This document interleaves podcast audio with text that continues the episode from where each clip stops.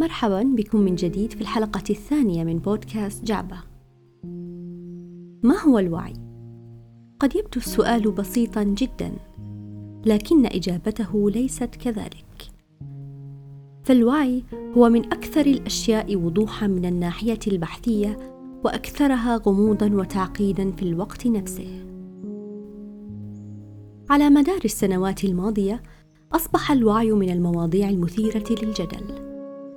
فقد فتحت التطورات الحديثة في علم النفس هذا الميدان لعلماء البيولوجيا وعلم الأعصاب وعلماء النفس والفلاسفة. والأهم من ذلك كله جعلتنا ندرك أهمية الوعي عبر تجاربنا الخاصة فيه.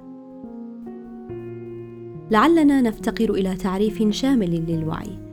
لكن هناك بعض التعريفات تعطي فكرة عما تعنيه الكلمة. فالوعي هو القدرة على رؤية حقيقة الأشياء. أو جزء من حقيقتها. كذلك هو القدرة على إدراك العوامل المحيطة بالأمور بموضوعية وفهم الترابط بين جميع العناصر لخلق مفهوم خاص باستخدام سمات ذاتية يتعذر وصفها للتجربة. كيف يكون الحال لو كنت خفاشا؟ احتل ذلك السؤال الغريب أهمية في تاريخ دراسات الوعي. وقد طرح لأول مرة في خمسينيات القرن العشرين. ثم نال الشهرة على يد الفيلسوف الأمريكي توماس نيجل في العام 1974 استخدم نيجل هذا السؤال لتحدي مذهب المادية ولاكتشاف ما نعنيه بكلمة الوعي. وليرى لماذا يجعل الوعي مشكلة العقل والجسد معقدة إلى هذا الحد. لا فائدة من تخيل نفسك خفاشا لأن الخفاش الناطق المثقف لن يكون خفاشا طبيعيا على الإطلاق. وفي المقابل إذا أصبحت خفاشا طبيعيا فليس في مقدورك التفكير أو الكلام. فلن تستطيع الإجابة على سؤالك. كثير من العلماء لا يشاركون نيجل نظرته التشاؤمية. لكن سؤاله أفاد في تذكيرنا بنقطة بالغة الخطورة عند الحديث عن الوعي. فلا جدوى من الحديث عن الإدراك الحسي أو الذاكرة أو الذكاء أو القدرة على حل المشكلات باعتبارها عمليات فيزيائية بحتة. ثم نزعم أننا قد فسرنا الوعي. إذا كنت تتحدث عن الوعي حقا فعليك أن تتعامل بطريقة أو بأخرى مع الذاتية. فيتعين عليك أن تحل المشكلة الصعبة وتفسر كيف تنبع الذاتية من العالم المادي. أو يتعين عليك إذا كنت تزعم أن الوعي مطابق لتلك العمليات الفيزيائية أو أنه وهم أو حتى غير موجود على الإطلاق أن تفسر لماذا يبدو الوعي حاضرا بقوة هكذا. وفي كلتا الحالتين لن تستطيع القول بأنك تتعامل مع الوعي. إلا إذا كنت تطرح السؤال كيف يكون الحال لو كنت كذا وكذا؟ ولكي نبسط المسألة تخيل عقلك مسرحا خاصا. ها أنت ذا داخل المسرح. في مكان ما داخل رأسك. تنظر من خلال عينيك. لكن هذا المسرح متعدد الأحاسيس. وعليه فإنك تشعر باللمسات والروائح والأصوات والمشاعر أيضا. ويمكنك استخدام خيالك كذلك. فتستحضر مشاهد واصواتا تراها وكأنها على شاشة عقلية بواسطة عينك الداخلية أو تسمع بواسطة أذنك الداخلية.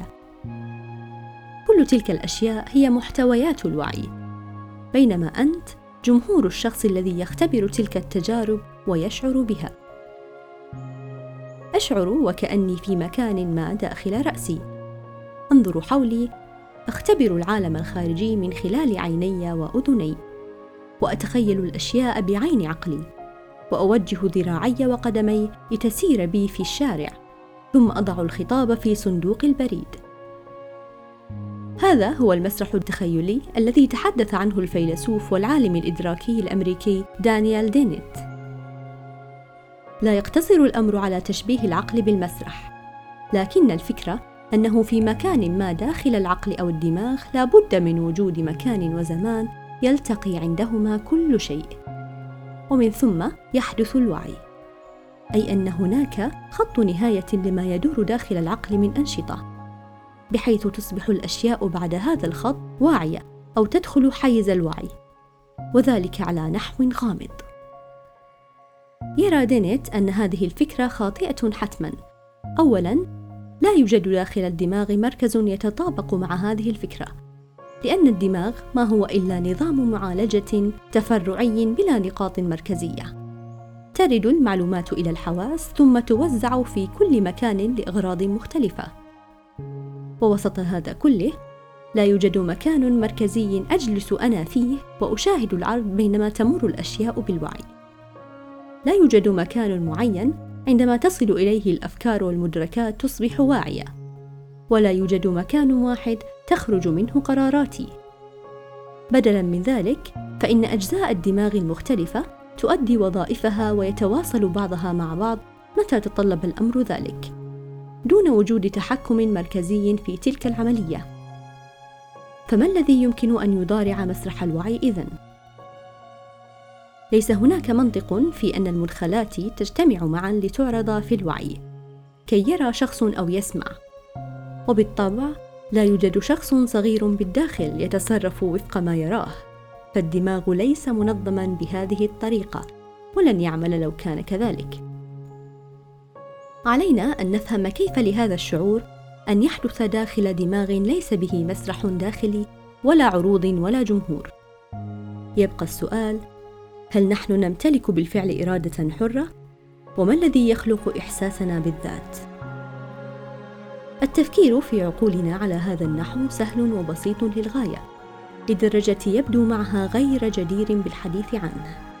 لكن عند التورط في حيرة عقلية كما فعلنا مع مشكلة الوعي يكون من الجدير في بعض الأحيان الطعن في أبسط افتراضاتنا وهي في هذه الحالة تلك التشبيهات التي تبدو في ظاهرها بسيطة.